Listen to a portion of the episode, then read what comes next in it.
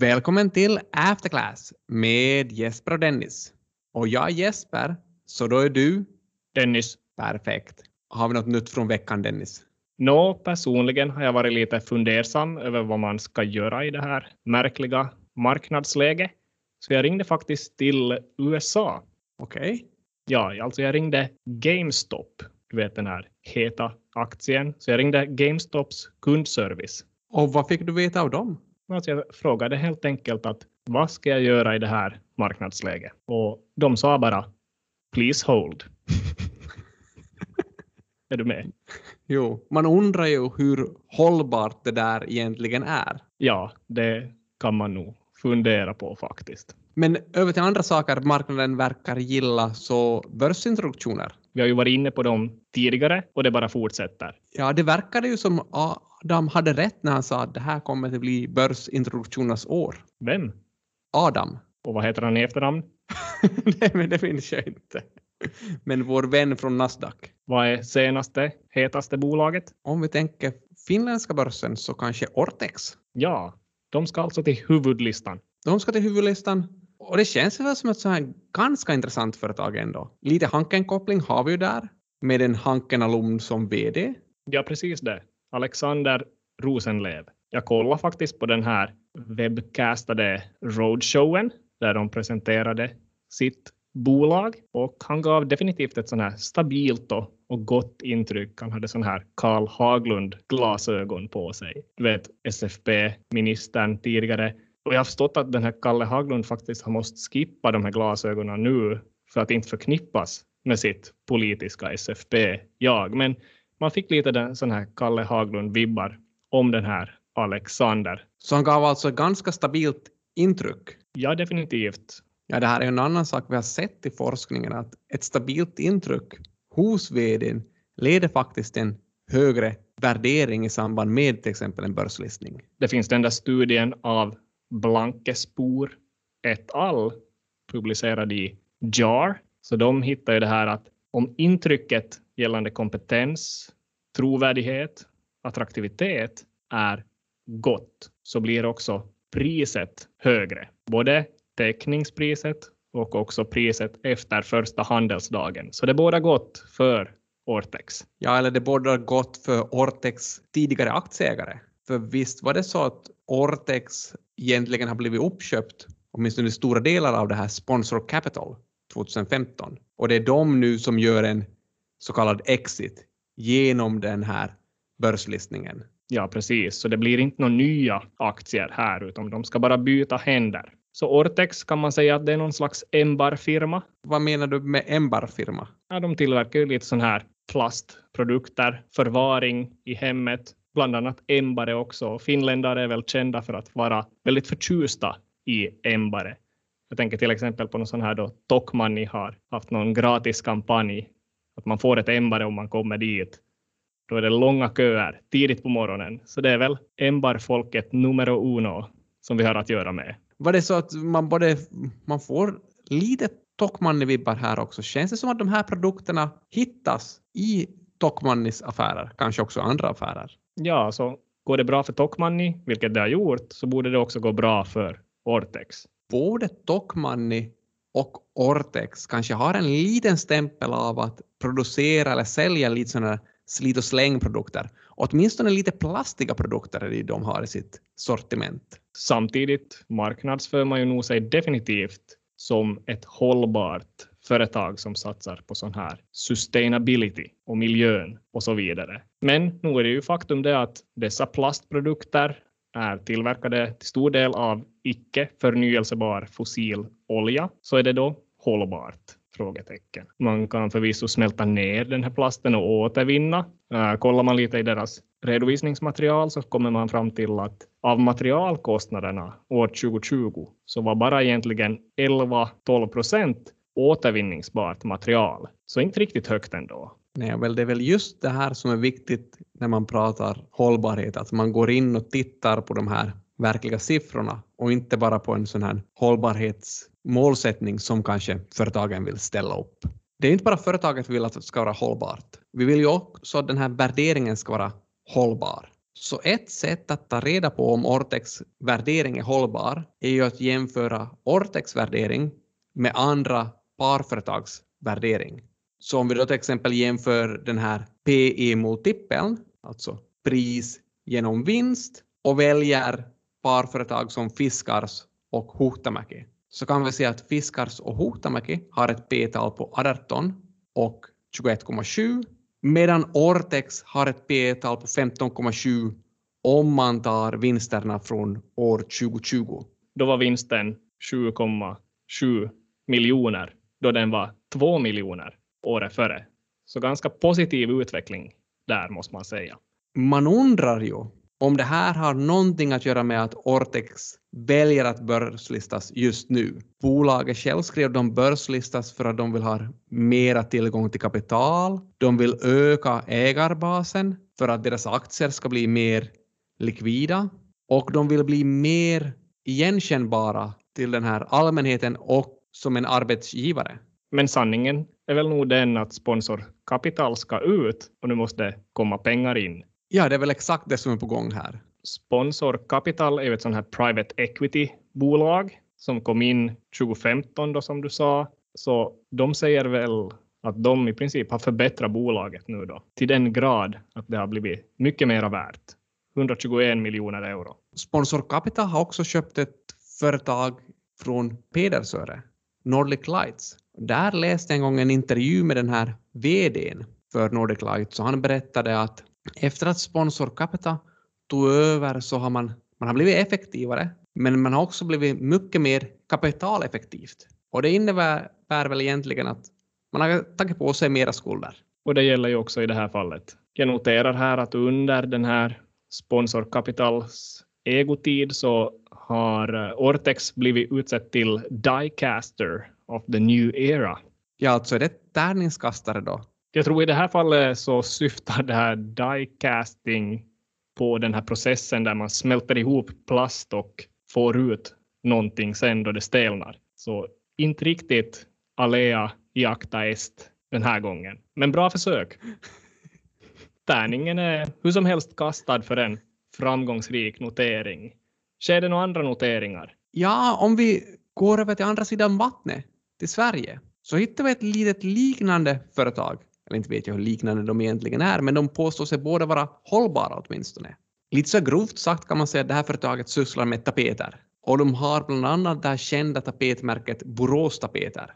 Visst var det så att det hette tidigare Eco Borås Tapeter, det här bolaget? Jo, och visst var det också så att de tidigare redan har planerat att börslista sig?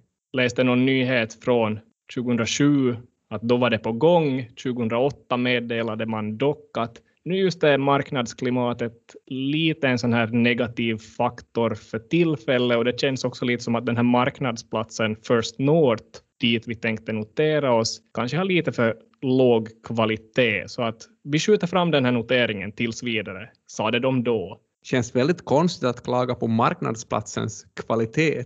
Ja, och det är faktiskt samma marknadsplats dit de är på väg nu också, First North. Så det var väl nog kanske bara den där finanskrisen som ställde till det den gången. Men nu har de väntat i några år. Yes. Ny VD, han heter Olle Svensk. Passande namn. Troligtvis svensk. Ut i fingerspetsarna då han tapetserar. Men det är ju intressant här att de hade de här planerna på börslistas redan tidigare, men de har i princip skjutit upp det här beslutet med tio år för att de har väntat på den här rätta tidpunkten eller det här rätta marknadsläget. Ja, och sanningen är väl kanske den att då corona kom så var det många som renoverade lite smått och köpte lite tapeter, så det borde kanske synas i deras siffror nu också. Så här har vi egentligen precis samma situation som Ortex, att man börslistar sig när fjolårets siffror ser så bra ut som möjligt. Helt rationellt, helt rationellt. Embellence Group har en sån här förvärvsstrategi, så de i princip aktivt försöker köpa upp mindre privata aktörer inom tapetbranschen. Och de här kan man ofta köpa upp till en ganska låg multipel. Så då sparar man lite pengar på det, får en större marknadsposition och kan ta lite mer betalt för sina tapeter. Man tar ju redan för sådana tapeter typ över 100 euro per rulle. Det är ju sig lite galet, men man ska komma ihåg att det här är ju jag menar hållbara tapeter. Visst, man, man eh, basunerar ut ett sånt här hållbarhetsbudskap här också i allt man gör. Men jag ställer mig ändå lite kritisk till det här att är det så hållbart att då man köper en sån här tapetrulle då, som är, kräver sån här mönsteranpassning, säg att det är 50 centimeters mönsteranpassning, vet du vad det betyder? Nej, jag vet faktiskt inte vad det betyder. Det betyder att av en sån där rulle så går 30 procent i svinn. 50 procent om man är lite oförsiktig. Nej, men det, det kunde vara hållbarare i mina ögon att satsa på att optimera rulllängden så att det blir lite svinn. Kunde vara en bra idé? Ja, det låter som en bra idé. Det låter också som någonting du skulle kunna kräva att finns med i deras årsredovisning. Estimerat svinn per rulle. Yes, det blir nog till nästa, nästa gång om jag själv kommer in som ägare här. Det är en ganska vanlig fundering om det är rätt att investera i de här ESG-bolagen eller de här bolagen som fokuserar på hållbarhet. Och man ser ju ofta att det media nämns ändra personer som anser att man ska investera i ESG-bolag eller personer som anser att ja, det är kanske inte så lönt att investera i ESG-bolag. Men vad jag tänkte att vi skulle göra när vi skulle fundera att är det egentligen lönsamt att investera i ESG-bolag och under vilka omständigheter kan det vara lönsamt eller inte vara lönsamt? Så ofta när vi börjar fundera kring det här så måste vi igen fundera vad ska vi bry oss om? Vi gillar kanske avkastning, Ja, det är ena komponenten som vi gillar. men vi gillar inte risk egentligen.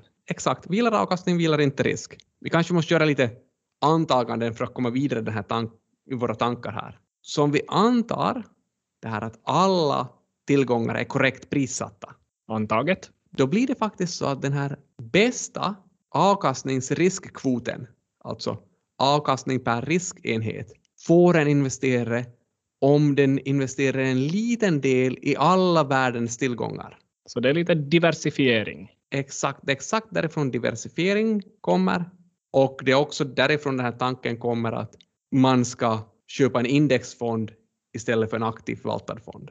Tanken är att den bästa portföljen får du när du äger lite av allting. Inte alla ägg i samma korg. Exakt.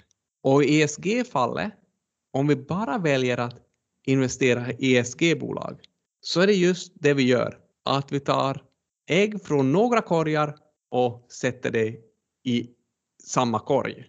Så det är högre risk. Det blir egentligen som att vår portfölj får, får oftast då lite högre risk. Man kan också tänka på det här som det sättet att vi ska koka en liten soppa av alla de här våra tillgångar. Och att om vi väljer den bästa möjliga soppan, givet alla tillgångar, så det är då den här optimala portföljen. Och om vi då är en ESG-investerare och säger att vi får inte använda alla tillgångar eller alla ingredienser till den här soppan, så det gör ju att vi, vi kan ju inte få en bättre soppa. I bästa fall kan vi få en lika bra soppa, men förmodligen får vi en liten sämre soppa. Eftersom det enda vi har gjort är att vi har begränsat våra ingredienser. Men vi har i alla fall mat på bordet. jo, det, det är sant.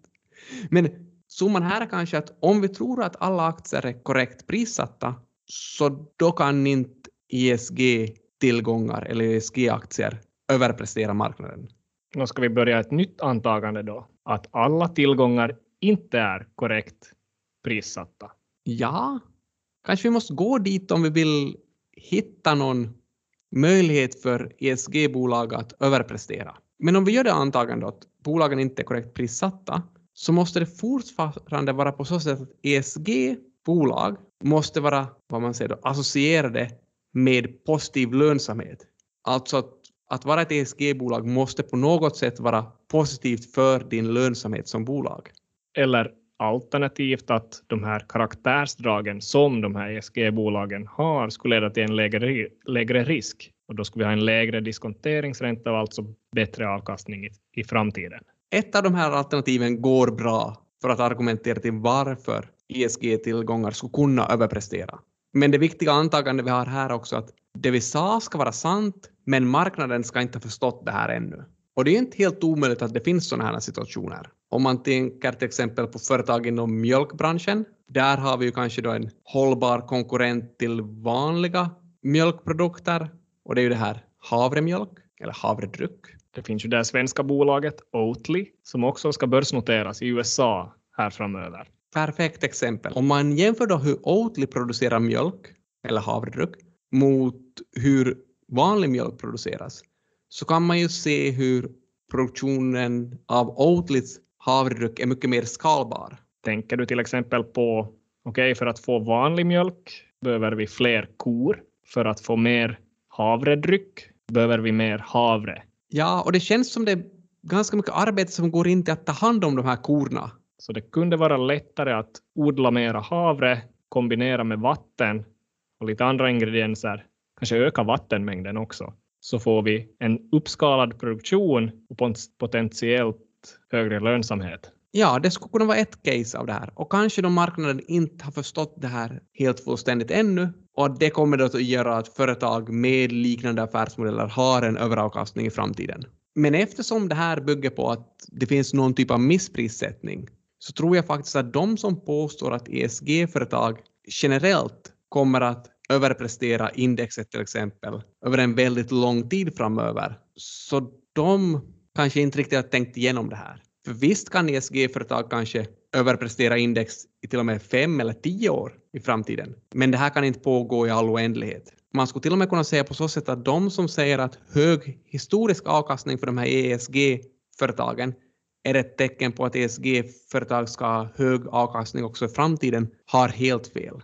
Eftersom att om det är en missprissättning så tänker vi oss att den här rättas till efter tid. Och då betyder ju egentligen att hög avkastning de här, den här senaste tiden gör att det finns mindre missprissättningar att rätta till i framtiden. Det vi kanske kom till med allt det här är helt enkelt att om man vill investera i ESG-företag eller miljövänliga företag så är det viktigt att man hittar företag där det här miljötänket verkligen har en positiv effekt för företagets lönsamhet. För det är ju definitivt så att de flesta vill låta förstå att det är så och skriver väldigt mycket och pratar väldigt varmt om hur hållbara de är. Men vår tes är alltså fundera lite extra på om det faktiskt är sant och i vilken utsträckning det kommer att realiseras i högre lönsamhet till exempel.